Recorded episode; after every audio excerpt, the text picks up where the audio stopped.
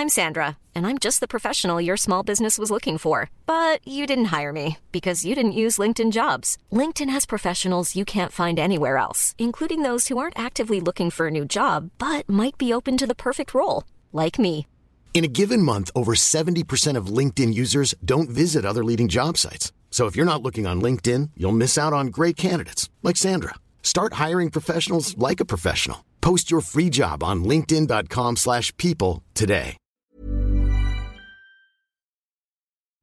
Den där... Den här bruden som du håller på med, eller nyss älskade. Prata inte för mycket nu. Det här är en podd. Ja. Kan vi klippa tillbaka? Ja, jag får klippa i början. Nöden har ingen lag. Avbryt inte. Välkomna till ett nytt avsnitt av podcasten Cyril och Stig. Cyril, det är jag, Cyril Hellman. Stig är författaren Stig Larsson. Dagens gäst är författaren och kulturskribenten Lyra Colley. Under sitt tidigare efternamn Ekström Lindbäck har hon släppt tre romaner. Redan som 18-åring fick hon eh, Lilla Augustpriset. Hon debuterade 2012 med Tillhör Lyra Ekström Lindbäck. Hennes andra roman, Ett så starkt ljus, blev 2014 nominerad till Augustpriset. Hennes tredje och senaste roman, I tiden, är aktuell som pocket i höst. Hon är också medarbetare på Svenska Dagbladet Kultur och driver förlaget Lesbisk Pocket. Okej, innan vi sätter igång vill jag bara påminna om att vi kommer ha en workshop i Paris i kreativt skrivande. Och nu vet vi datum. Det blir den 21 till 25 augusti. Och det ser ut så, mina vänner där i Paris säger att det är för dyrt att hyra konferenslokal. Kost, men eh, däremot kommer vi få, antagligen få låna en tidningsredaktion. Och för alla säkerhet har jag satt åt dem att se till att inte bli Charlie Hebdo. Eh, så vill ni delta i den här kursen? Vi kommer gå igenom romanskrivande, poesi, eh, manusskrivande, reportage Och dramatik. och dramatik. Vill ni delta i kursen så kostar det endast 5000 kronor och ni mejlar oss på cyrilochstig.gmail.com Ni kan också kontakta oss på vår Facebook-sida som heter Cyril och Stig. Likaså har vi en Instagram-sida. Ja, det låter ju intressant. Det. Alltså, man kan säga också så här att det här är första gången vi gör något sånt här. Så eh, jag gissar att det verkar ju vara ett stort intresse redan nu. Eh, Och blir det större intresse kommer vi att ta lite mer pengar alltså. Och där kan man väl också säga att jag tycker att om folk har koll på vårt sätt att skriva och du har ju fått Guldbagge i filmmanus och sådär. Då ska man välja oss men det finns ju andra liksom. Jag vet att Björn Ranelid har kreativt skrivande och jag vet att du Stig gillar inte när man mobbar honom och han har blivit väldigt mobbad men jag tycker att gillar man att skriva med metaforer och adjektiv och sånt då ska man ansluta till Ranelid för jag kommer undervisa i romanskrivande att det är så man inte skriver. Jag behöver inte säga så mycket om det. Men alltså Ranelid är ju en schysst människa. Inte riktigt min kopp te är som författare dock. Nej precis, precis. Däremot, mobbing är aldrig bra så Nej. det, sånt ska vi inte hålla på med. Ja, idag sitter vi här hemma hos mig på Kungsholmen med Lyra Koll. Det är kul för mig att sätta mig in i ett nytt ungt författarskap så snabbt. Och, och, och jag tycker väl också för, för de flesta unga, du Stig, dina som du gjorde på 70 80-talet, de var extraordinära artisterna nyår och så liksom snarare revolutionära. Men de flesta författare, inklusive mig själv, som släpper när de är unga, de har inte så mycket att säga äldre människor som läser tror jag. Det vet jag, det vet jag inte. Det, Men de här tycker jag, de här, de här känner man aldrig liksom att det här känns som ett utvecklat författarskap. Alltså jag har ju då läst det tidigare och jag tycker det är roligt att säga. Det är första gången vi ses. Och jag läste då en artikel, den artikeln du skrev, det var 00-tal. Var inte det? Tiotal. 10-talet eller vad? Just det. Ja, den byter namn varje decennium. Ja, så det var 2013 tror jag. Eller 2012. Och jag tyckte det var intressant och sen läste jag då den här debutboken som jag skrev om också. Som gjorde mig väldigt förvirrad. Alltså, den var intressant på samma sätt, jag tänkte det, som Anaximander är intressant. Alltså den grekiske filosofen, försokratiker. Alltså är det tillräckligt konstigt? Eh, alltså jag, sa en gång till en kille, han skulle skriva någon C-uppsats om mig. Sa jag, antingen ska det vara väldigt rätt eller väldigt fel. Har du väldigt mycket fel kan det också bli intressant.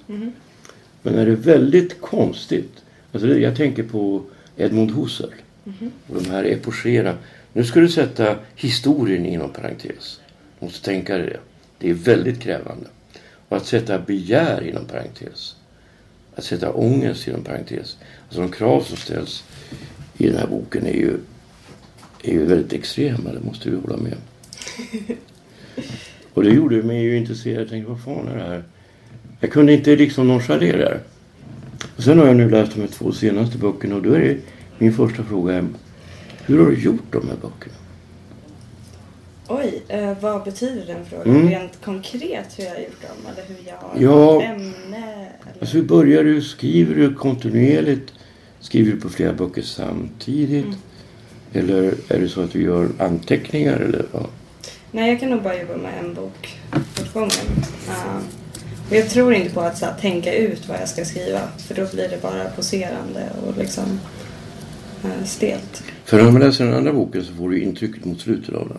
Att det är så att eh, det är väldigt stark upplevelse att du är jaget. Va? Mm. Det kan vara fel men det är vad jag upplever. Och, och då blir det... Vilken bok pratar vi nu om? Ett så starkt ljus? Starkt ljus, ja. Okej, mm. Och då blir det ju också så att du känner okej, då har hon under den här tiden skrivit anteckningar och det här är någonting.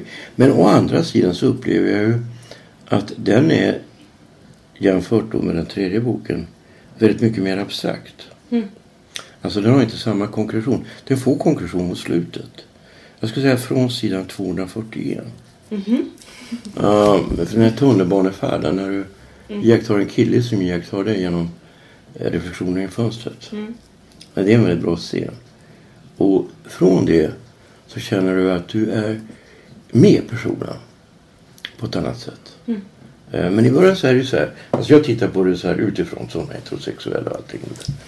Så ser det så här. Ja, här tar den upp tre olika typer av liksom åtråfigurationer. Vad man skulle kunna kalla det för. Mm. Eh, och den ena är den här eh, skådespelerskan som är självmedveten och så. Och sen är det hon som är nästan motsatsen. Ungdomsförälskad som är självförnekande nästan. Mm. Och, och sen är det då när hon då ser den här den tredje personen som står i ett könsofokus. Alltså den här eh, C. Eh, och man fattar ju rent intellektuellt att hon blir intresserad av det. Men när jag jämför med den tredje boken, som jag måste erkänna något som är lite pinsamt. Det är första gången jag har läst eh, sexuella scener med killar involverade där jag har förstått åtrån till killar. Det låter lite konstigt. Alltså överhuvudtaget åtrån Ja. till killar eller den homosexuella åtrån? Ja, precis. Alltså, För det handlar om de här små grejerna. Och att det finns ett visst motstånd. Ska jag ta på hans... Alltså det är såna detaljer när det gäller händer, anklar, vad fan som helst. Men jag har, jag har en vän som står mig väldigt nära. Hon är lesbisk med extremt bra litteratursmak. Hon lär mig jättemycket om nya kvinnliga författarskap. Och sådär. Hon fullkomligt älskar den här. Uh, ett så starkt ljus. Eh, kan man säga att homosexualitet och sexualitet är ett tema? Känns som det är alla tre. Ja, ja, det får man nog säga. Eh, Det är ju helt uh, ofrivilligt Ja. tema. Men eh, eh, ändå så tycker jag det finns nästan eh, alltså en, eh, slags lite distans i, i tiden Ja. hos jaget. Alltså till sina egna begär och till Mm. att, att begären i sig inte ger honom Mm. någonting eller det han letar efter längre utan det är snarare fantasin om begäret Mm. som blir liksom rekursiv. Och sen den här i tiden. Jag känner ju igen typen eller jag har ju, jag har ju jobbat verkligen, jag har jobbat för alla de här tidningarna du skriver om Bonn och, och Nöjesguiden och alla. Jag har haft samma kläder, delvis samma musiksmak samtidigt som jag, eh, det, det handlar om en ung, eller en hipster i 30-årsåldern, typ sofokille. Men jag kommer ihåg att jag hade ju alltid någon form av förakt mot de här också. Som Bonn var ju ett gäng arbetslösa DJs som skapade, eh, som skapade och de, gjorde, de kunde ju inte skriva egentligen men de, de, de fick sån cred så, för att de tog in bra skribenter genom att de betalade jättedåliga arvoden och sådär. Men och sen hade jag alltid, även om jag hade de här intressena och, och märkena och sånt också så hade jag andra intressen som gjorde, eller och kunskapsområden, politik och litteratur och sådär som gjorde att man ändå såg ner på dem lite. Liksom, att- Jo, men jag tycker inte det finns något förakt i det där. Nej. Alltså att killen får någon form av, av kris. Va? Jo, men du kris. skildrar ju ytligheten, tomheten också hos den här typen Ja, men med kärlek tycker jag. Ja, alltså han både identifierar sig med dem och Mm. föraktar dem. Men det tror jag nästan alla i den världen gör. Ja, det finns ett stort självförakt ja, ja. också. Mm. Jo, men det finns ett genuint intresse för det vi kan kalla för skönhet. som jag tror att du delar. Och som jag, även jag delar. Alltså vore inte jag så fattig skulle jag ha snyggare kläder. Och en gång i tiden var jag faktiskt väldigt intresserad av kläder. Alltså just de här japanska designerna och så. Eh, men det är så fruktansvärt dyrt att köpa dem idag. Det är ju det. Ja, så det går ju inte. Det är bara Norén som kan göra det. När jag, fixa när jag, läste, när jag läste Noréns dagböcker så att han köper de kläder jag skulle vilja ha.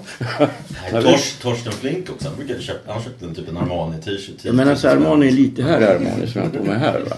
Men alltså det är lite skillnad på Armani och Matsuda och Miyake och Comme des Garçons och Yamamoto. Det är lite skillnad. Dries van Noten.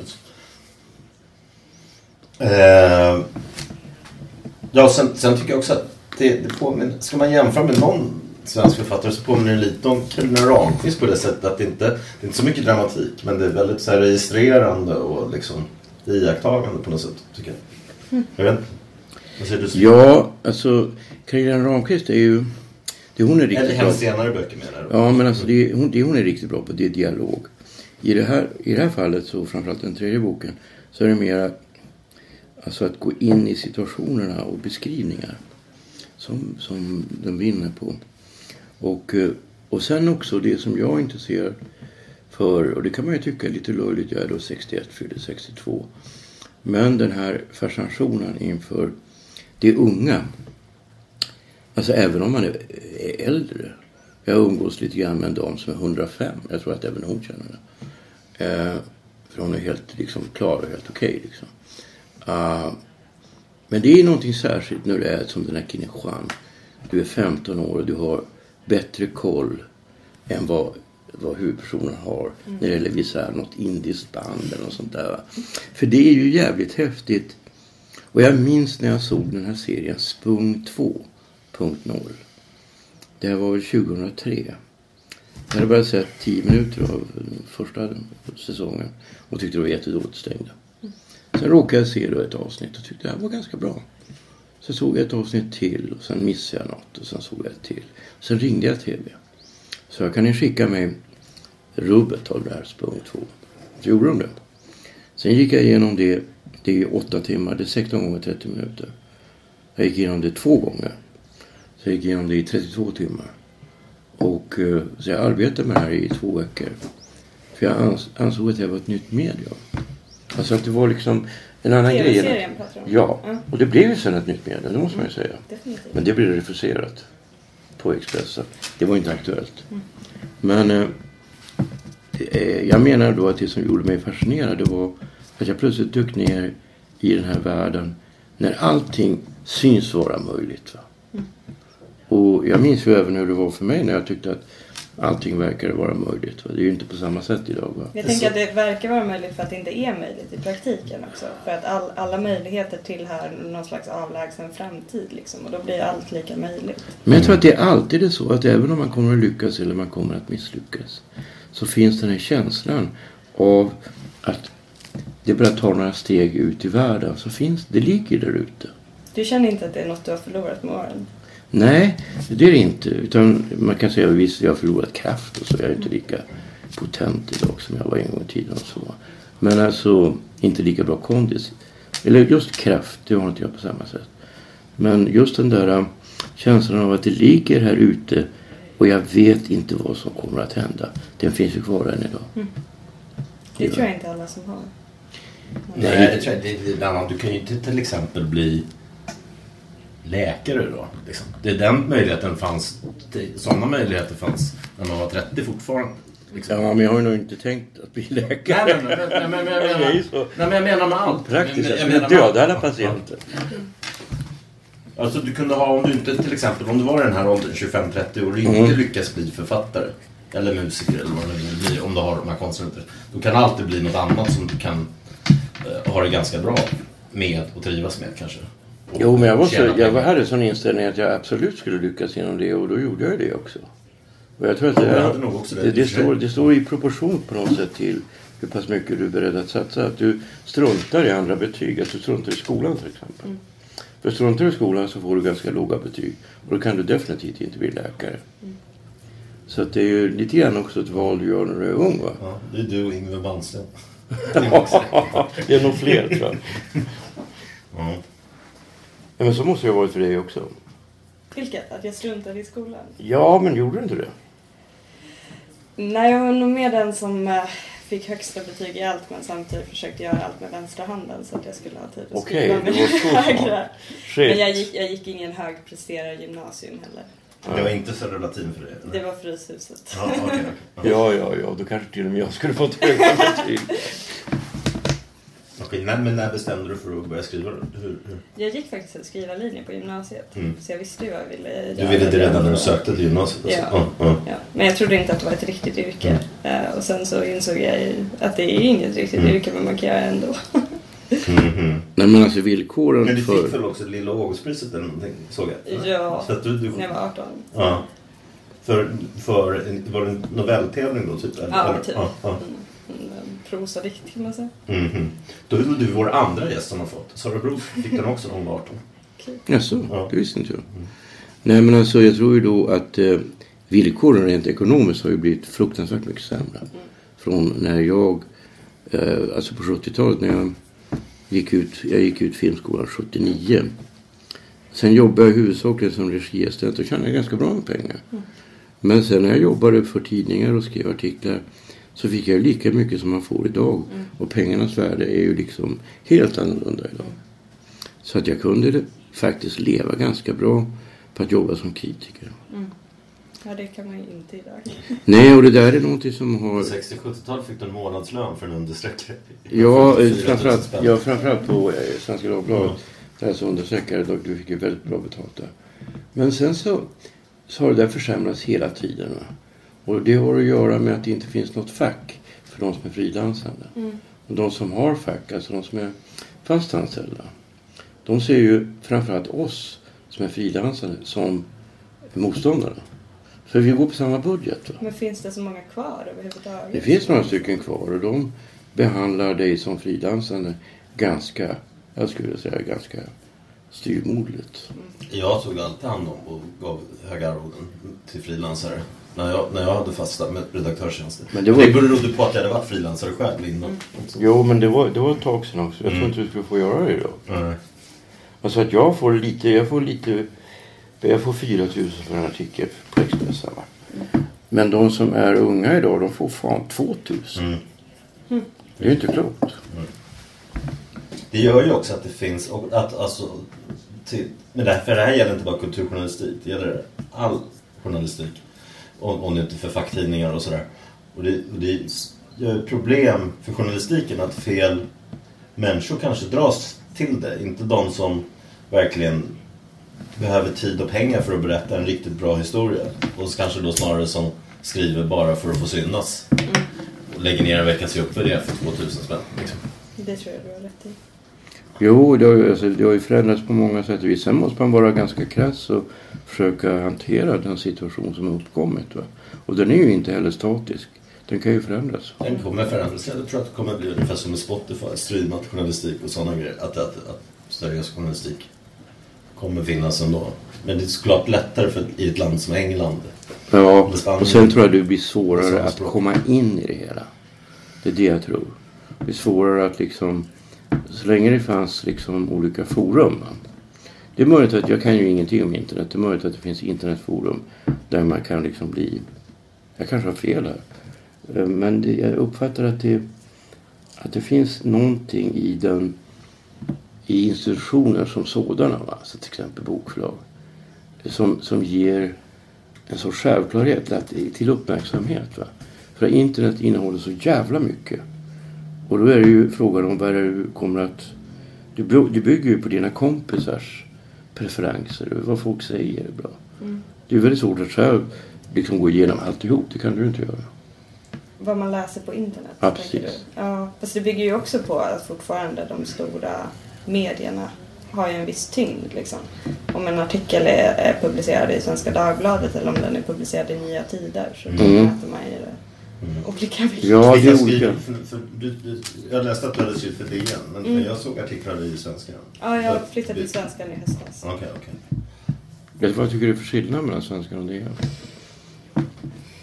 Jag tycker att Svenskan på sista tiden har haft bättre litteraturbevakning. Jag Mhm. tycker Madeleine Levi har har gjort Det skillnad. kan jag hålla med om. Jag tycker att den, har svackat i många år, särskilt sen jag slutade. Men, men, men, Nej, men jag har men nu har den fått ett upplyft tycker jag, på, se- på sena, det senaste halvåret. Året. Jag- Senast jag prenumererade på en tidning var faktiskt Svenska Dagbladet och det hade jag inte gjort på tio år.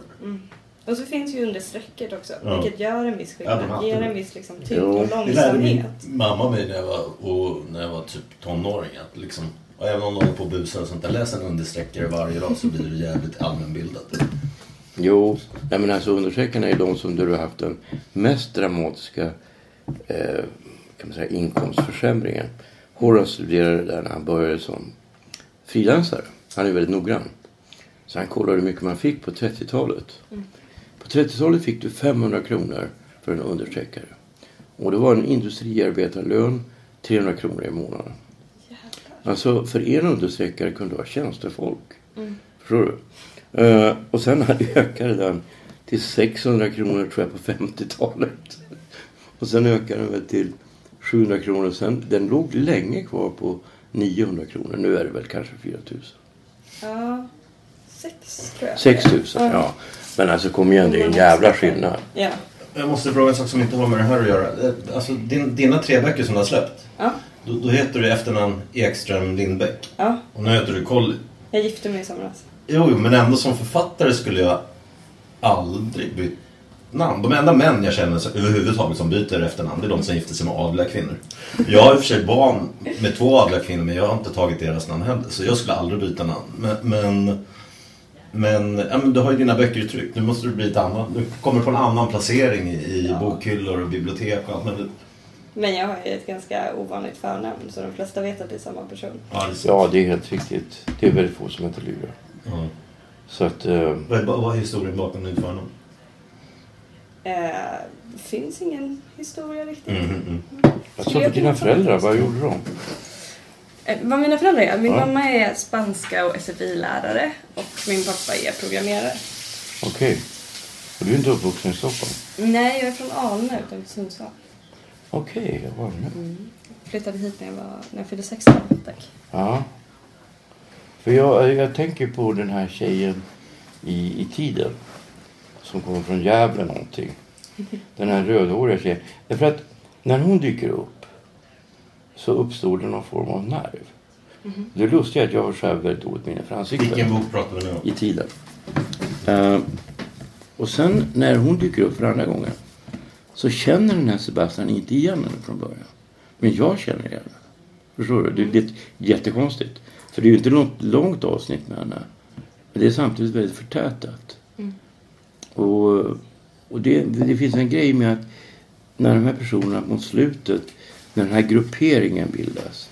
För att det är ju ändå det som gör att, att den här Sebastian Kristoffer. Fan tänker jag på Sebastian för?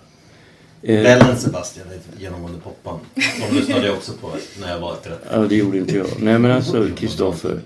eh, Kristoffer Lundström är ett väldigt bra namn. Nej, men när den här Kristoffer eh, dras in i det här projektet med de här fotografierna. Så är det ju då han upplever någon form av liksom, meningsfullhet. Va? Och jag kan fatta vad han på något sätt menar. För att det är, liksom, det är ju väldigt eh, anarkistiskt och rörigt. Va? Men det ligger någonting i det. Va? Han har säkert också rätt kommersiellt. Kommersiellt hur då? I, I att han tror att det kommer bli en framgång. Så. Ja, på något Ja. sätt. Ja, men alltså, för du måste förstå att inom, när det gäller mode, den här typen av grejer. Va?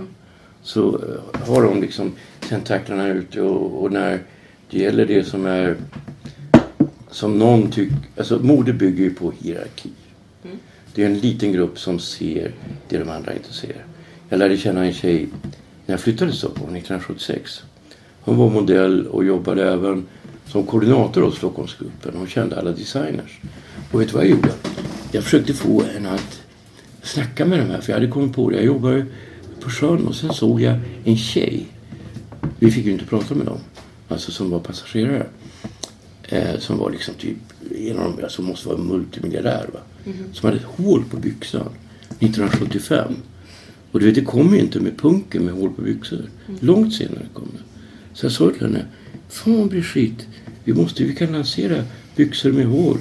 Åh, det var så snuskig det är. Men vi blir rika fan, vi blir rika.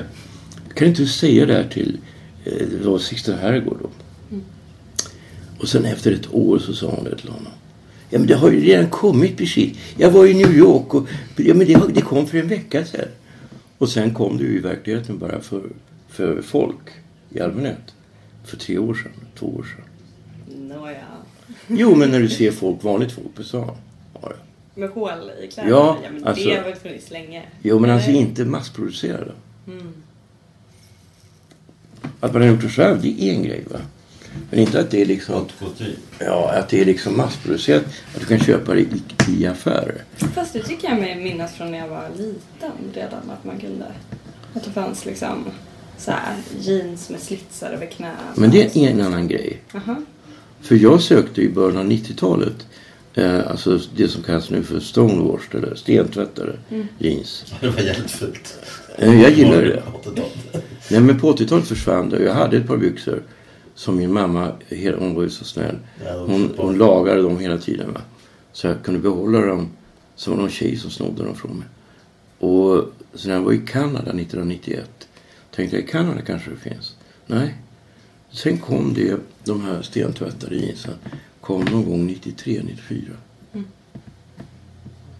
Eh, Med, med den här i tiden. Eh, jag läste på nätet att det stod att, att, att, att alla i, som är i den här världen, jag har ju själv tappat det för nu är jag 45, liksom, men som är 30 i den här världen. De vet vem den här killen är som du formar, Kristoffer. är det så? Du har format den efter någon? Nej, alltså. På ett plan tror jag att jag gjorde det omedvetet. Ja. Hade jag gjort det medvetet hade jag aldrig döpt karaktären till Mm. Kristoffer. Eh, Precis som den här personen heter det i förnamn. Eh, men sen när jag kände shit eh, vad lik det börjar bli så kollade jag med honom eh, Okej. om vad han tänkte om det här. Om han tyckte att jag skulle byta namn på karaktären. Ja. Hjälpte han till också kanske? Men då var han så här, vi ska underblåsa det här ryktet om att den här boken handlar om mig. Ja, så det gjorde vi. Nej, för jag håller på, alltså vanligt, när, i vanlighet, som till exempel nu när Leo släpper en bok med, med en gangster, då är, det- då är det ju liksom snarare, ja, det blir lite av min roll, lägga på kvinnokaraktären mycket, för han kanske har sämre med känsloliv och sådana grejer. Liksom. Det är mycket känslor ofta med kvinnor. Men sen nästa år till exempel släpper jag, nästa vår släpper jag en annan bok som utspelas på, Östermalm. Jag kan inte säga mer om den, att, men om det, att förutom att det är Östermalm, och där är det väldigt många kvinnor, det är tio kvinnor i. Då måste jag ta hjälp av kvinnor, så då, då, så från Östermalm just. Så då, då, då ringer de. Liksom, Ja, men det är ju nat- det är ju naturligt att man, alltså när man, framförallt när man har gjort en bok, Ja. så man går igenom den och så upptäcker man att men här kanske jag har gjort fel. Så jag skickar alltid det jag har gjort till massa människor, eller läser upp för dem. Om det kanske handlar om en halv sida. Och så vilka blommor blommar i augusti, inte vet jag. Då ringer jag min mamma, eller nu är hon död men eh, det gjorde jag då. Lejongap, ja i augusti. Eh, men det är så mycket som man inte vet. Därför måste man göra det. Det är, det är en del av... Men det är, jag tror att det är riktigt som du säger att det kan vara smart att börja och sen utnyttja sitt undermedvetna när det gäller till exempel namn. Och eh, för det, man styrs ju på något sätt när man skriver ett namn. Det finns en massa som heter Kristoffer och det, det ger signaler. Eh, och det är bara bra. Alltså jag lägger ner väldigt mycket tid numera. Inte när jag var ung. Då fattade jag inte hur betydelsefullt det var. Just på namn. Jag går igenom, tidigare gick jag igenom telefonkatalogen. För att hitta bra namn. Jag gillar det här namnet också. Jag tänkte också just på samma sak med namn. Det var någon som hette Nordin, någon tjej. Hon hade ett bra namn också. Jag tror hon. Jag kommer inte ihåg Ja. raka Det är så många karaktärer. Nej men även Birgitta är ju så knäppt namn alltså för någon som är ung idag. Ja. Eh, Det är ju jättebra. Jo, att- Linda Nordin. Ja, Linda Nordin, ja. Precis. Ja. Det finns en tjej med det som jag känner som heter Sandra Nordin. Jag tror påminner om det. Om det. Jo. Kents. Nej men alltså det med namnen faktiskt och det är något jag reagerar emot när det gäller vissa författare som har alldeles för konstiga namn. Då känns det som att de försöker göra någon grej av namnen. Va? Utan namnen ska, det verkar liksom lite amatöristiskt. Ja, Ulf Lundell kan döpa sina Ja, karaktärer tänkte till Florian och sådana här grejer. Ja. liksom. Jo men det här gör mig väldigt irriterad. Men jag vet att det är Simenon som jag gillar väldigt mycket. Georges Simenon. Han, det visade sig när jag läste eh, biografin över honom. Han hade samma teknik. Han började med att gå igenom telefonkatalogen. Men det finns ingen telefonkatalog längre, så hur gör man idag då? Ja, nu vet jag inte hur jag ska göra. Jag har sparat de gamla telefonkatalogerna. Det kommit nya namn. Det Jo. finns så här långa namnlistor på internet om man ska döpa sin bebis. Mm, Typ.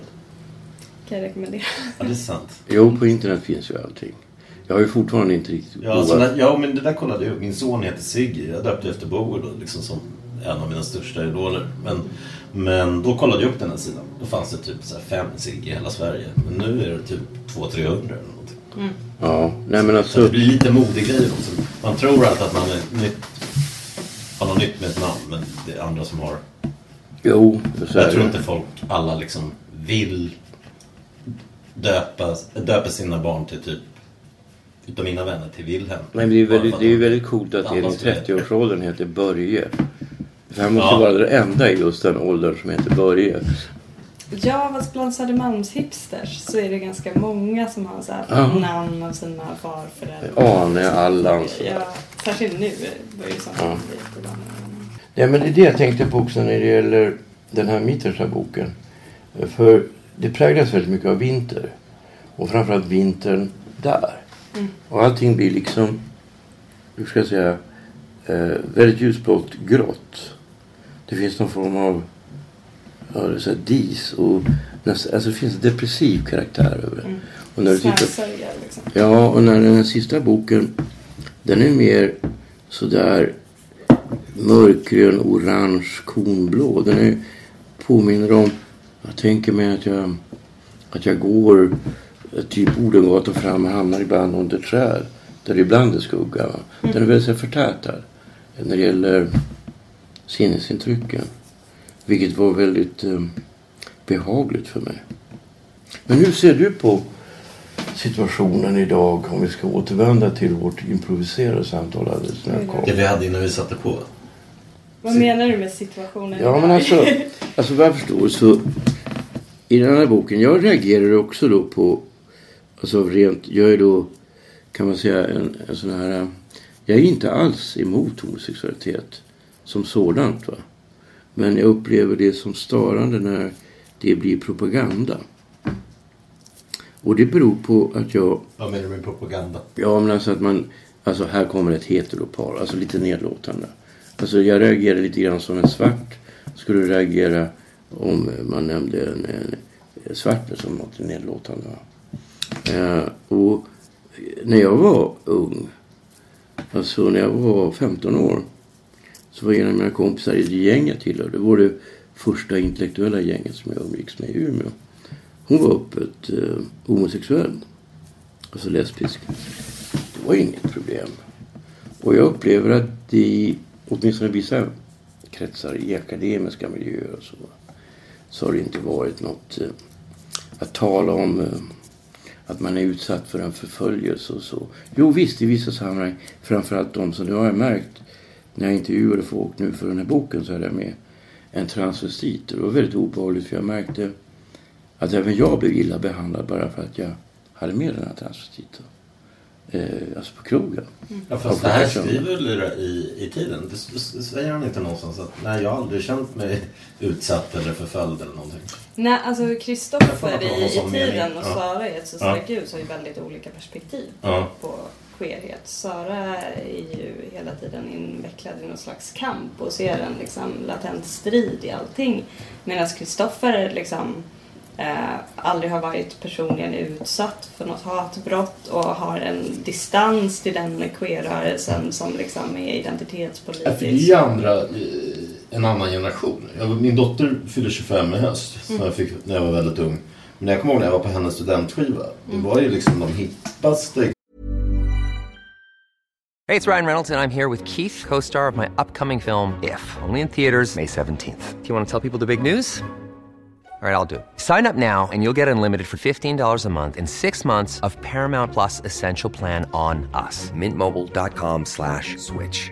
Upfront payment of $45 equivalent to $15 per month. Unlimited over 40 gigabytes per month. Face lower speeds. Videos at 480p. Active Mint customers by 531.24 get six months of Paramount Plus Essential Plan. Auto renews after six months. Offer ends May 31st, 2024. Separate Paramount Plus registration required. Terms and conditions apply if rated PG. Hey, I'm Ryan Reynolds. Recently, I asked Mint Mobile's legal team if big wireless companies are allowed to raise prices due to inflation. They said yes. And then when I asked if raising prices technically violates those onerous two year contracts, they said, What the f are you talking about, you insane Hollywood ass?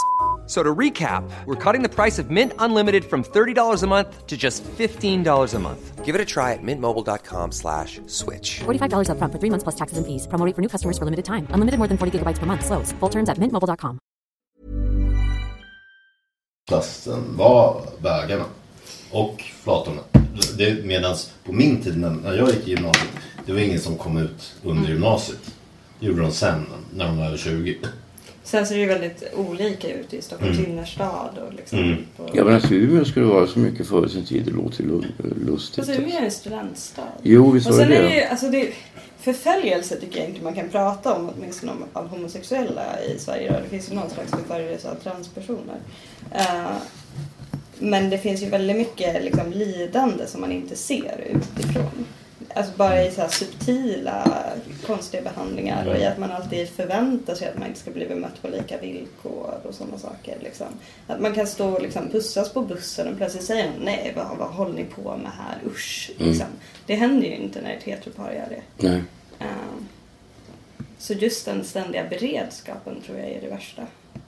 Den har ju inte försvunnit. Däremot finns det ingen skam. Jag dejtade för några år sedan en, en tjej på Malta. Och hon umgicks med många. Hon, hon var ju skådis och liberal och sådär. Så hon umgicks med, med många bögar. Men de, det är ju ett katolskt samhälle. De var ju väldigt, de kände ju skam. Och liksom, så här, de hade ju dubbelt, de hade någon dubbelhet till, till liksom, Ja, har du läst eh. Sofie Oksanens är det Baby Jane den heter? Ja, inte den. Ja men den är ju skitbra. För, för läget i Helsingfors är lite annorlunda. Ja, min partner är ju från Finland. Och det är ju inte lika roligt där alltså. Nej, vi, vi fick ju inte gifta oss i Finland Nej. till exempel. Nu har det ju gått igenom. Varför fick ni inte det? Eh, Min partner är trans, så han, var, han är fortfarande juridisk kvinna i Finland men eh, har blivit juridisk man i Sverige. Så jag är gift med en finsk kvinna och en svensk man. Och det är ju väldigt Det är inte alla som... udda. Ja. Hur länge har du varit ihop då? Eh, Som 2013. Okej. Och, och han har växt upp i Finland. Mm, Helsingfors. Ja, och flyttade hit sen. Nu sen Ja. i vuxen ålder. Han bodde i Åbo när vi träffades. Ja, ja. Nej men för jag tycker, jag tycker hon är bra den här också. Även Fagerholm tycker jag är bra. Även om hennes senaste roman inte var så bra. Men eh, jag tycker just den där Baby Jane gjorde mig väldigt illa berörd. För jag kunde inte förstå hur, hur jävligt det var. Men det är just att i Finland har du en annan typ av eh, rigorösa regler när det gäller hur man ser Ja, det beror på. på var i Finland igen också man är. Om man är i bibelbältet liksom. Var ligger det i Finland? Kring Vasa och norrut liksom. Ja men det här var ju ändå Helsingfors. Ja. Alltså, och så är är det ju- ju väldigt stor skillnad på finlandssvenska kretsar också. Och liksom finskspråkiga små byar och sådär. Ja. Jo men hon är väl finsk helt enkelt, Sofie också det tror jag. Ja, Jag ska inte uttala mig för mycket om hur det är i Finland. När du åkte till Finland? ja, det har jag gjort. Ja. ja men jag gillar Finland samtidigt. Finland är fantastiskt. Jo, det, det finns alltså det finns något deppigt över det som är vackert på något sätt. Någon slags melankoli. Ja, och männen även om de ska vara så här macho och sånt. Det här med att de kan börja tjura efter några glas vodka. De gör verkligen, jag har varit ute med och supit med en del utav dem. På något, Jo men Sverige har ju ett väldigt speciellt förhållande till Finland. Jag tänkte på det när Finland vann Sverige sitt... vet ju nästan ingenting om Finland. Nej men vi har liksom någon form av kärlek till Finland på ett absurt sätt. För tänk bara det faktum att när jag gillade Finland... Hanoi Rocks när jag var tonåring. Ja, I jag jag, träffade, jag träffade ju den här Sami Hanoi Rocks på 80-talet. Jag intervjuade Mike Monroe. Och eh, Pratar vi om hockey nu? nej, vi pratar om hårdrock. Det var ett av världens största hårdrockband. Nej, det, nej det var, alltså, grejen med, med Rocks var att de, de var extremt bra. Och de var, det var Guns N' Roses största idoler till exempel. Så Guns N' Roses kopierade dem och blev sen de som slog. Det är ofta så ibland att det är tvåan som snappar upp det ettan gör. Som, som det är de som slår. Ja, det här var ju tidigt Så 80-tal. de fick aldrig sin, sitt riktiga break som de förtjänade. Nej, men de turnerade runt i världen. Han berättade så. Ja, du vet Stig, det är ganska besvärligt att vara rockstjärna. Vadå då? Vi måste hela tiden vandalisera. Och jag tycker det är så pinsamt att pissa i hotellrum och, och sen, du vet, vi var i Jerusalem? Eller om det var Tel Aviv.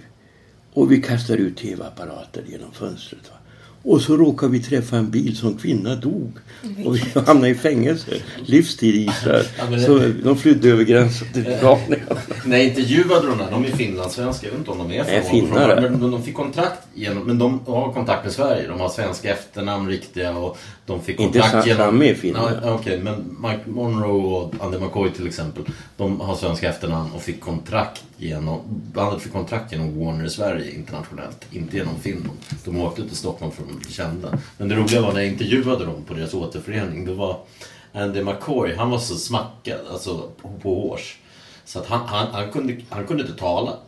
Så får jag en intervju istället med Mike Monroe. Och han har tagit så mycket tjack så hans käft går så här. Jag bara, herregud, jag har suttit en halvtimme med honom men han har pratat fem gånger så snabbt. Det blir som att skriva ut en två timmars intervju. Men sen när jag skrev ut den som tur var, då var det ju bara liksom floskler och grejer. Så att det gick lätt att skriva ut den ändå. Liksom. Jo, nej men alltså... Eh, nej men jag, jag tänkte på det. Alltså när de vann då VM-guld första gången. Så firade de på Sergels torg. Där eh, svenskarna brukar fira sina SM, eller VM-guld.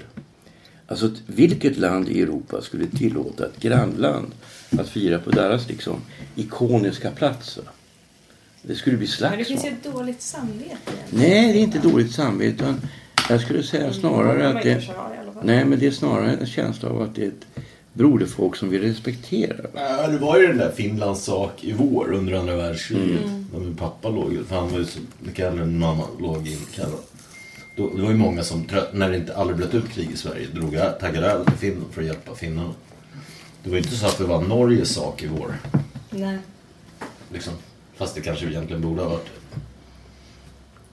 Jo, men det har att göra med de här historiska banden. Det är jag helt övertygad om. Ja, men vad pratade vi om innan? Vi började prata om Finland.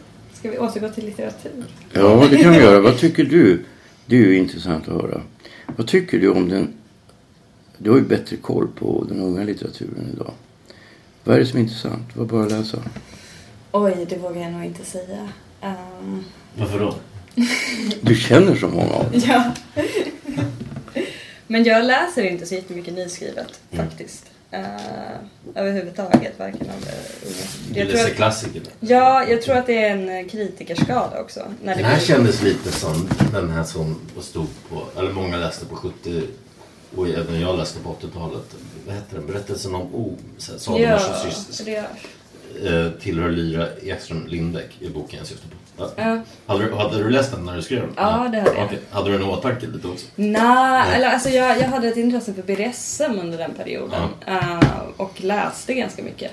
Eh, och ville liksom dramatisera författar uh, läsarrelationen i den. Mm. För att, så här, jag tyckte att det var en maktrelation men samtidigt att det inte var en riktigt en förtrycksrelation utan någon slags njutningsekonomi. Liksom. Ja, den är ju också skriven i andra person, alltså du-form. Ja, det- det lärde jag mig på, ja, det lärde jag mig på universitetet. Det är det svåraste att skriva. Mhm. Det blir sällan bra. Den Ja, enda men det man liksom läser stora jag har på, varit det man läser på universitet är ju aldrig, aldrig riktigt. Nej, men jag vet men nej, nej, förvisso inte. Men jag vet att de sa, jag läste inte så mycket litteratur, jag lyxläste det med på kvällar ibland. Mm. Men, men jag kommer ihåg att lärarna pratade om det. Ändå. Och det vanligaste är ju faktiskt tredje person eller första person. Nej men alltså det är ju alldeles uppenbart att det där med att läsaren befinner sig i ett ont läge. Jag var inte alls klar över det när jag började skriva. Men sen har jag ju fattat det. Eh, Det var ju framförallt genom Jesper Svenberg jag fattade det. Alltså hans eh, forskning kring läsandet i antik, under antiken. Mm. Och att eh, eh, det var väl inte han som noterade att första gången någon läste tyst eh, som en nämnd i litteratur det var Ambrosius. Det var Augustinus som påpekade det. För det var alltså Först lät man slavar läsa det högt för en. För det var ju lite känsligt. Mm. Att någon annan ska tänka i ditt ställe.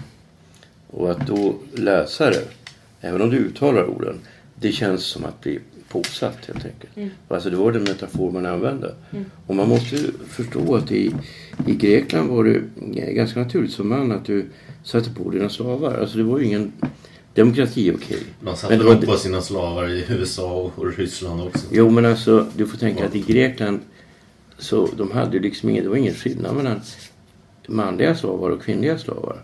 Men däremot om du som man blev påsatt så blev ju halshuggen. Och eh, när du tittar på hetiternas lagstiftning, det är därifrån vi har Herkules, eh, eh, vet du det, de här eh, hjältedåden va, som man ska göra. Det kommer sig ifrån vissa regler som fanns i Hetiterriket. Att om du, för att det man gjorde när man överföll en stad, det var att man satte på männen. Och för att de inte skulle bli levande begravda, för det var alternativet, så skulle de helt enkelt eh, göra ett, eh, hjältedåd. Oftast var det att sida mot en björn. Vad har du läst där? Eh, Jag har Jan, talas om jo, Jag har läst historia. Eh, eh, Nej, men det, det här är Jan Puvel, en estnisk antropolog som har skrivit den. Väldigt intressant. Jag har- har haft boken. Uh, nej, men alltså det var, det var ju väldigt tabubelagt det där. Alltså den passiva homosexualiteten räknades som någonting som var... eh, eh, ja, det, det, det var dömas till döden. Och nu när vi ser på det här, jag vet Thomas Lappalainen skriver om det här när han skriver sin bok eh, Cineapel och sedan dö i en fotnot. Att någon från antiken skulle tycka att det var väldigt konstigt med att vi beskriver en homosexuell akt som en akt. Det är lika absurt som att beskriva ett rån som en akt. Men en passiv rånare och en aktiv rånare. De såg det hela tiden som våld. Ja, alltså det, det fanns ju eh, kärleksrelationer mellan eh, mästare och deras elever. Jo, exempel. men det var ju samtidigt, vi har ju påskrivit om problematiskt när det gäller, för det var ju då unga pojkar. Ja. Det var ju samtidigt problematiskt därför att man var tvungen att ta hänsyn till deras, alltså om de nu inte var slavar. Va? Och även om de var slavar så kan det ju ha funnits känslor med dem. Förstår du? Men man uppfattade det som inte alls oproblematiskt. Och jag uppfattar ju då, och det är därför jag, jag är så skeptisk mot precis allting. Jag är skeptisk mot den information jag får i tidningarna, eh, i tv och jag är skeptisk mot all propaganda jag hör. Jag har varit det hela mitt liv. till dina egna tankar också. Eh, ja, eh, jag försöker vara det. Mm. Det är det enda sättet att lära sig någonting nytt. Att inte cementera sig. Men därför så har jag alltid varit, aha, här är någonting skumt. För finns det stora ekonomiska intressen till att någonting blir accepterat och normaliserat. Va? Då tänker jag så här. Pratar du om homosexualitet? Ja, Okej. då så reagerar jag så här. Men vänta lite grann nu. När jag var ung hade jag inte alls någon, liksom, jag tyckte det hade varit väldigt praktiskt om jag hade varit bisexuell. Eh, Det hade varit dubbelt så många jag kunde intressera mig för, eller hur? Och jag umgicks ju då i sådana kretsar. Det var ju lärare som bjöd oss på hasch. Jag tänkte, ja, men de är ju så schyssta och bjuder oss på hasch. När jag var 15 år. Eh, Då får jag ta och sätta på dem då. Men jag kunde, jag fick ju inte stånd då. Jag tyckte det var lite äckligt att Men skägg. kan, kan vi gå tillbaka till det här med det stora ekonomiska intresset för homosexualitet? Jo, men alltså du får tänka på att det handlar om eh, det är så lobbygrupper som är väldigt starka ekonomiskt. Som vill, vadå? Ja, du kan ju ta för att ta ett extremexempel. På 80-talet lyckades de genomdriva, när man sänkte åldern eh, för att ha sex med en person från 15 till 14 så sänktes samtidigt åldern för pojkar till 13. Och det genomdrevs av en man som faktiskt på riktigt heter Pelle Polis. Det har Paul Hollander berättat. Det var han som våldtog honom första gången. Uh, och han var då någon form av, du vet, lobbyist. Jag tycker inte att det här är okej. Men vadå? Alltså, Men alltså, alltså, du ekonom- jämställer ju pedofili med homosexualitet. Nej, men alltså när du har den typen av ekonomiska intressegrupper som samtidigt har politisk makt. Men vad då för ekonomiska intressegrupper? Alltså den här mannen som vill ha sex med unga pojkar. Ja, men han tillhörde ju då RFSL, satt i ledningen för det. Jo, men vad har det med en ekonomisk intressegrupp Ja, men alltså jag föreställer mig att de här människorna har ganska mycket... Alltså hela det här med HBTQ-certifiering, det ger ju en jävla- massa pengar. Ja, alltså det är en sak att det finns ekonomiska intressen som vill profi- profitera på en ny konsumentgrupp. Liksom. Ja, ja, särskilt homosexuella män har ju mer pengar. För de är ofta ganska framgångsrika i karriären. Och de eh, har inga barn att- ta hand om. Och så ibland män bättre betalt än kvinnor. Precis, precis. Så de, det är klart att det för resor och hotell och alla möjliga grejer är en jätteköpstark grupp. Men jag tror inte att det har blivit att, att vi har att det har blivit så pass accepterat som det är idag. Det har inte med ekonomiska tror jag. Det har nog med, helt med humana grejer. Ja, det är möjligt att det har det, men alltså jag känner mig överhuvudtaget skeptisk. Alltså när jag ser den förändring som jag sett under de senaste, låt säga 40 åren. Så ser jag ju då att det idag, alltså vad är det som gör att vi idag har så oerhört många fler som är bi eller homosexuella? Alltså jag uppfattar ju det här med det här snacket om att det är även i djurvärlden finns det så. Det tror jag är bluff. Och att det skulle ha funnits i alla tider, i alla kulturer. Bluff. Det skulle ha kommit fram i så fall. Det finns ju forskning. Det finns ju. Men den forskningen är ju naturligtvis gjord av människor som har det här intresset av att få fram det. Nej. Nej. Alltså, Ja, fast forskningen innan har ju varit gjord av människor som har ett intresse av att hålla det hemligt också. ja, men Du som är kristen, Jesus till exempel. Han nämner inte ens. Jo, jo men precis. Han började prata med hans brors, med, med, hans, med Sebbe Staxes bästa kompis som också har blivit kristen. Han bara, säg inte det till Sebbe Staxes. Jag sa att Jesus måste ju varit homosexuell om alla, om alla han hänger med i snubbar. Nej, men Jesus hade en väldigt misogyn inställning och det var alla religioner. Nej men det kan varit också för att han föredrog snubbar Nej, på det sättet. i Thomas evangeliets sista eh, Jesusord, det 148. Thomas evangeliet ses ju också då av vissa som inte accepterar att vissa Ja, ja, ja, men jag kristna. uppfattar det som autentiskt. Då säger han så här, då är det Petrus som säger Men Jesus, varför? Han hade ju flera lärjungar då enligt Thomas evangeliet som var kvinnor. Ja, Varför, varför har du en massa kvinnor här? Maria Magdalena och Maria. Det var alltså inte hans mamma utan en annan Maria. Varför har du massa kvinnor?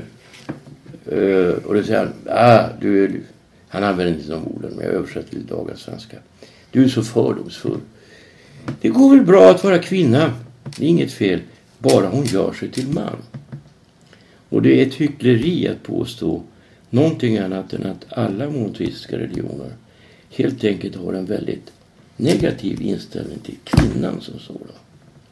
Och då är det ju intressantare att ta reda på vad beror det på. Vad tror du att det beror på?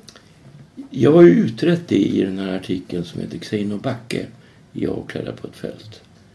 Jag höll på ett, nästan ett helt år med det här. Xeino Backe har bara använts en gång tidigare i litteraturhistorien. Det är det ord som används av Sofokles när Medea ser Jason första gången. Jag har Scott Littles Greek English Lexicon och som, som har med alla grekiska ord som bara nämns en gång. Och den här bara nämns en gång. Och då blir de Xeno och Backe. Och Xeno är ju främling och Backe är ju då vansinnigt förälskad i, kan man säga. Från Bacchus. Bacchus kommer- Backe är ju då ett eh, verb här. Hon blir Xeno Backe, vansinnigt förälskad i främlingen. Och ehm, när det där är den, den essän, eller vad man ska kalla det. Så försöker jag komma till reda på vad fan det handlar om. Varför är det så? Och jag tycker nog att jag lyckades. Du får läsa den. Men vad har det med, med monoteism att göra? Ja men det är ju alltså, det är, ju- eh, alltså buddhism och så här, de, de struntar ju i det. Men alltså eh, islam, judendomen och kristendomen är ju extremt misogyna. Och sen försöker alla kristna slingra sig ur det idag och säga nej, så är det inte alls. Oh, oh, oh." Och det är bara fegt att säga det. Då är det bättre att ta reda på, okej, vad, beror, vad beror det här på? Och vad beror det på? Ja, det är svårt att se det i en mening. Jag kan inte göra det jag. Om jag kunde det skulle jag göra det. Men skillnaden mellan män och kvinnor är större än vad vi tror. Och vet du vad det beror på att vi tror att den är mindre? Vi har samma språk. När jag säger att det här är ett glas så håller du med mig. Det här är en bok, det är inga problem. Vi kan ju prata med varandra. Och på grund av det så tror vi att våra subjekt ser likadana ut. Och det tror jag inte alls att de gör. Och jag misstänker att det där är någonting som, som du har haft personligen ett problem med. Som jag har haft personligen ett problem Alltså med. du har liksom funderat över det där. Aha. För annars skulle du inte ha gått så djupt in i den här med könsidentiteten och så. Okej. Och jag tror att det har att göra med... Men du tycker att jag har kommit lite fel? Nej, Eller? nej, nej, inte alls. Nej, du får inte tro så. Alltså jag fördömer det inte på något sätt. Nej. Utan jag tror att det är så här. Alltså man ska göra det väldigt vulgärt men det blir ändå begripligt. Okej.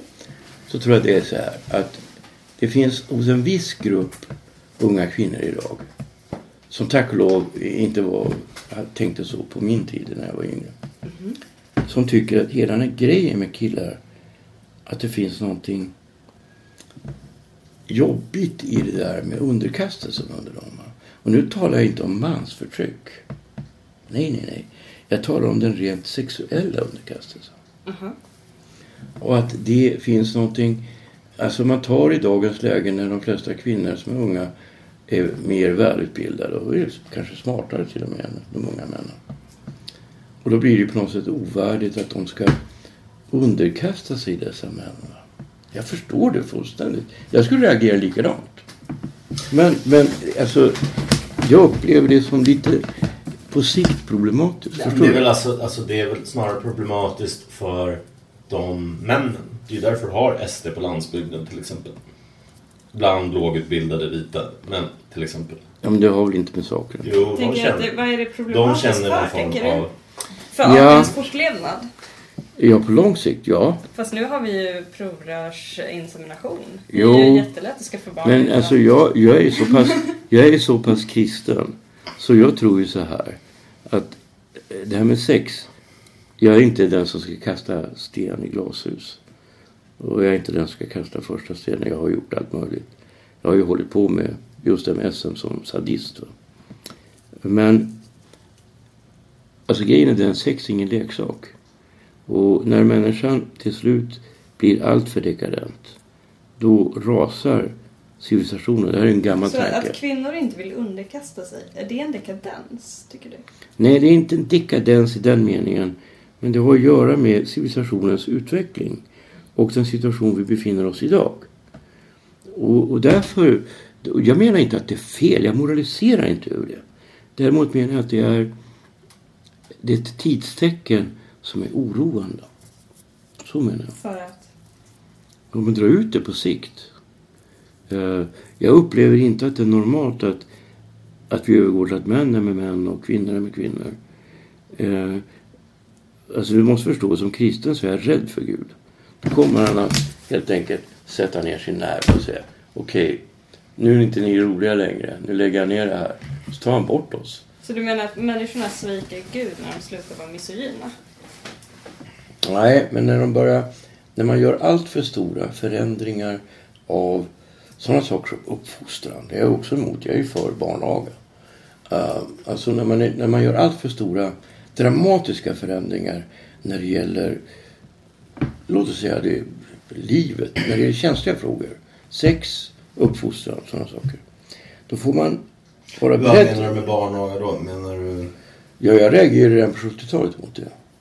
Och då var det ju bara jag och Arne Imsen som reagerade mot det. Att ni ville behålla barnen? Ja, precis. Alltså, det var, inte, det var Alltså, inte tillåtet att misshandla barn. Vad pratar du för form av barn?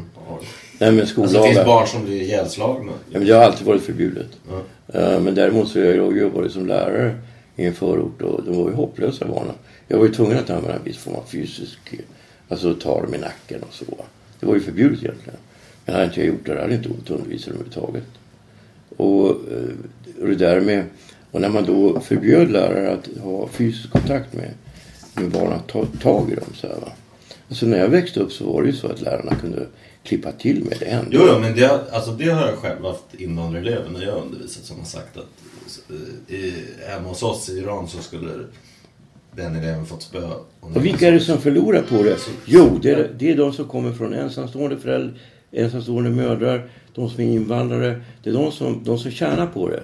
Det är de som är tillhör kulturvärlden och överklassen. Men jag, nu gjorde vi ett hopp här ifrån eh, kvinnans underordning till barnen. Det gjorde det? Ja, förlåt mig. Eh, jag skulle vilja få lite klarhet i vad det är som kan urarta, tycker du? Nej, men alltså det är två frågor som är centrala för den här civilisationens fortlevnad. Okej. Och då kan man inte ta det med en klackspark. Vilka två frågor är det? Alltså det här med uppfostran, grundläggande saker. Okej. Att du som är yngre ska respektera någon som är äldre. Som barn. Inte som 20-årig men när du är 4-5 år ska du lyda dina föräldrar. Annars så går det liksom illa för dig. Och, och det var självklart när jag växte upp. Och det är inte självklart idag och det är också väldigt mycket besvärligare att ha barn idag. På grund av det. Och, eh, och det här med homosexualitet är problematiskt så tillvida som att när man gör en störning när det gäller en sån central sak som det här med... Homosexualitet är en störning, tycker du? Ja, det tycker jag. Okej. Även om jag, jag har inget emot att människor är det. Som människor. Jag respekterar dem eh, precis lika mycket som vem som helst. Men jag har ingenting att säga till om det. Vad fan folk har för sex. Men när det gäller i stort, när jag ser på det i stort. Så tycker jag att, eh, att jag känner en viss form av sorg. När jag ser fler och fler killar i Stockholm. Även om de är heterosexuella. Förlorar sin manliga identitet. Eh, och blir mer kvinnliga i sitt sätt att vara. Att de till exempel blir underkastade tjejer. För att vara konkret. Alltså jag iakttar folk när jag sitter på krogen. Sitter och läser och röker. Tar en öl. Och så ser jag hur killar också börjar småprata som, på det dumma sättet som dumma tjejer gör. Alltså, eh, så skulle ju inte killar förr i världen ha gjort. De skulle ha känt Vad sig... menar du med dumma tjejer? Ja men, det, ja, men jag tycker också det vore intressant med en fotvandring där och där. Alltså, de pratar på ett visst sätt. Alltså tomt ytligt Ja. prat. Ja, precis. Ja, det, Och det här liksom... det kan man ju tycka illa, illa Du, om. du tycker illa om det också? Ja, naturligtvis. Ja. Jag skulle aldrig vilja bli uppraggad av någon som pratar Nej, men tänk dig att killarna gjorde inte så tidigare. Alltså, de, de var för... De hade för stark känsla för integritet. För att tala på det sättet. Hur talade de då? Åh, hur är det med dig? Alltså, de pratar inte så jävla mycket. Nej. Nej, men, men alltså de... Ändå något värdefullt där som har gått Nej, men jag kan, jag kan ju ta ett väldigt konkret exempel. Jag hoppas ingen blir arg. Men alltså... Eh, alltså min släkt på, på min mammas sida, de är mer liksom industriarbetare och pappas sida byggjobbare och den typen av arbetare som sen fick det ganska bra. Och när vi firade då jul med min mammas släkt så var det så här lustigt för männen blev helt tysta och kvinnorna pratade en oktav högre. Va? Och jag är ju så uppriktig. Jag sa det till mamma när vi kom hem till den här stugan. Det var en sån här stugby. Va? Så mamma, vad, har du, vad håller du på med? Vadå? Alltså du har ju bara sagt vilka fina gardiner du har och sådär. Alltså det är inte din röst ens en gång. Vad fan håller du på med? Hon började ju gråta och tyckte jag var hemsk. Jag var väl kanske hemsk. Men jag gjorde det för hennes skull. Och, men männen blev så generade att de gick hela tiden ut, även om de inte var rökare, för att gå ut och röka och ta en sup och prata om älgjakt och arbetslöshet. Och därför männen kan ju inte fan hålla på och konversera heller, det går ju inte. Och det är det som då Så det som har gått förlorat är någon slags brist på förmåga att konversera? Ja, alltså jag tycker inte I och om... med homosexualiteten? nu drar du för stora växlar. Nej, jag bara försöker bara okej. jag Just de gamla grekerna var väl mästare i att konversera? De gick Alltså jag är väl, jag är väl helt enkelt för dålig på att konversera för att ha någon bestämd uppfattning om det. Ja. Nej men jag tycker faktiskt att det är väldigt viktigt att man inte håller på... Alltså jag gillar inte det här med... Jag snackade med Horace om det för han tyckte att jag hade fel i det. Alltså han sa det är ju en konst att konversera. Det är bara det att du inte kan det. Du har för stort ego. Ja, ja. Så jag tänkte på det när jag var hemma hos honom senast. Jag skulle ligga lågt och försöka lyssna på folk och sådär. Hur gick det? Jag vet inte. Jag frågade honom om det var okej. Okay. Ja, jag vet inte. Nej, men jag tycker bara att det, det finns någonting i den där konversationens själva ton av ouppriktighet. Att man säger saker, och det har jag från min släkt. Va? Det är inte någon speciell grej med mig. Alla mina släktingar är likadana. Och det är en norrländsk grej. Alltså, när vi pratar med varandra så pratar vi om det som vi tycker är viktigt. Och det kan handla om en utbyggnad i sommarstugan eller det kan handla om hur det är på jobbet eller någonting politiskt. Så det här kanske är mer med Stockholm än med homosexualitet att göra? Ja, men Stockholm och homosexualitet hör ihop på något sätt för Ja. mig. Det kan man tycka. Ja, de kallar det ju för fjollholmon eller något sånt. Vad säger de? Fjollträsk. Ja, något sånt. Ja. Jo men alltså det är inte homosexualitet, alltså inte som sådan va. Utan det är någonting mer vitt va. Mycket bredare. Mycket svårdefinierat. Och det är därför man kallar det det. För det är inte bara homosexuella som är homosexuella i den meningen. Fast kan man verkligen kalla det homosexualitet? Det... Ja, har du ett bättre ord? ja, tomt ytligt prat, ytlighet. Ja, att man försöker likna tjejer. Fast, ja, vad menar du när du säger tjejer? Ja, men inte du är inte en sån tjej. Men alltså, du fattar vad jag menar med Du skriver ju själv. Alltså, Jo men, tycker jag jag menar, ta, ta liksom något sånt så här negativt. Eh, till exempel ytlighet och säga att det är samma sak som homosexualitet eller kvinnlighet. Liksom. Det är som att säga att homosexuella och kvinnor är på det här sämre sättet i större utsträckning. Liksom. Ja, men jag, jag kommer Ja, inte... fast det, alltså, finns, det finns ju för sig, alltså, men de var sällan homosexuella själv. De spelade på homosexualitet, de tar glamrock. Men den, den ses ju som ytlig av en viss, många rockkritiker också för att de hade smink och sådana grejer. Och de, de använde sig av ytan, men på ett väldigt intressant sätt. De, de utmanade och provocerade genom det sättet de använde sig utav yta. Och, och, Jo. och, och, vänt, vänt, låt mig ta. Och homosexualitet. Men däremot har ju det som många, det här pratade Mona Salo om, han hade svårt för gayrörelsen på att just för att det är så jävla mycket schlagermusik som är ytlig och skit att liksom att det, det var så mycket dålig smak i till exempel på grund av ytlighet i gayvärlden på, i form, just musik på grund av det här ytliga. Jag kommer att tänka på när jag såg de här eh, gravarna i Tarkinia. De här gravmålningarna som finns där. Det är de kan man säga, sista exemplen, eller enda exemplen på grekisk konst. Det var ju greker som gjorde dem till etruskiska herremän. De är liksom 500 före Kristus eller något sånt. Och eh, det var ju fantastiskt att se det liksom på riktigt. Se det så här.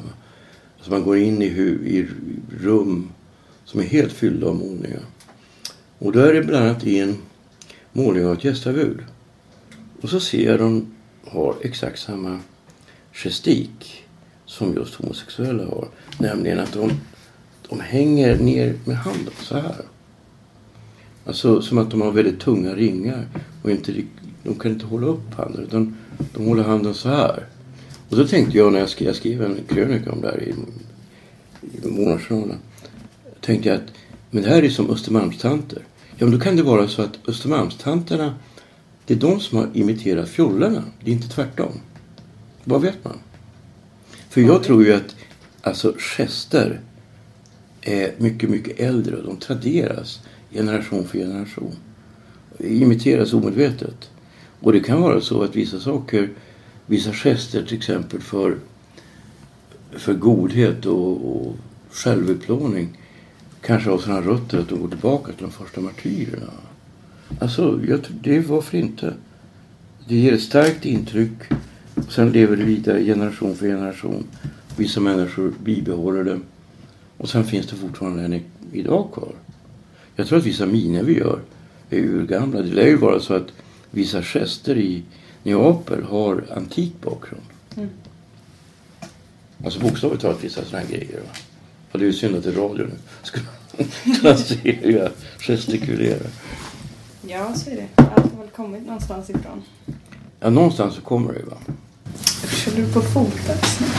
Ja, men vi ska ta en bild av oss alla tre. Vi kan avsluta nu. Ja. Det blir ja, väldigt spretigt. Wrap man- this up.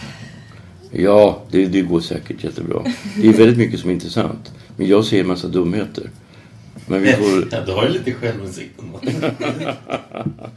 Ja, man måste ju faktiskt göra det intressant också. Då måste man ta vissa risker. Så är det. Ja, jag hade också tänkt att vi ska lotta ut eh, två ex eh, utav min eh, bok Rapport från fronten mot IS som har kommit i ny upplaga. Och vi kommer säkert ha flera sådana utlottningar som både du och jag släpper böcker i, höst, Stig. Eh, allt man behöver göra är att svara på två frågor och mejla in svaren till cyril och för genusperspektivets skull som alltid har så, så får en man en bok och en kvinna blir det som svarar rätt på de här frågorna. Första. Vilken av följande gäster har inte varit med i de kurdiska befrielsearméerna YPG, slash YPG eller Peshmerga? 1. Dorpe Kobane. Kryss. Amineh Kakabaveh. 2. Mehdi Sayed. Andra frågan. I vilket poddavsnitt diskuteras Kiss sologitarrister Ace Frehley och Vinnie Vincent? 1. Åsa Linderborg. Kryss. Nina Hemmingsson. 2. Therese Boman. Kan ni svaren och vill ha en bok, reportagebok från Syrien och Irak, så mejlar ni in till cyrilochstig.gmail.com Ni har lyssnat på podcasten Cyril och Stig producerad av Contro. Vi hoppas ni gillar det ni har hört och går in på acast.com och prenumererar och delar på Facebook och Twitter till era vänner. Det är inte gratis att göra bra podcast och vi är beroende av bidrag och uppskattar varje sådant. Swisha till 123 Hi, I'm Daniel, founder of Pretty Litter. Cats and cat owners deserve better than any old fashioned litter. That's why I teamed up with scientists and veterinarians to create Pretty Litter. Its innovative crystal formula has superior odor control and weighs up to 80% less than clay litter. Pretty Litter even monitors health by changing colors to help detect early signs of potential illness. It's the world's smartest kitty litter. Go to prettylitter.com and use code ACAST for 20% off your first order and a free cat toy. Terms and conditions apply. See site for details. Even when we're on a budget, we still deserve nice things. Quince is a place to scoop up stunning high end goods for 50 to 80% less than similar brands. They have buttery soft cashmere sweaters starting at $50, luxurious Italian leather bags, and so much more. Plus, Quince only works with factories that use safe, ethical, and responsible manufacturing. Get the high-end goods you'll love without the high price tag with Quince. Go to quince.com slash style for free shipping and 365-day returns. 069 1147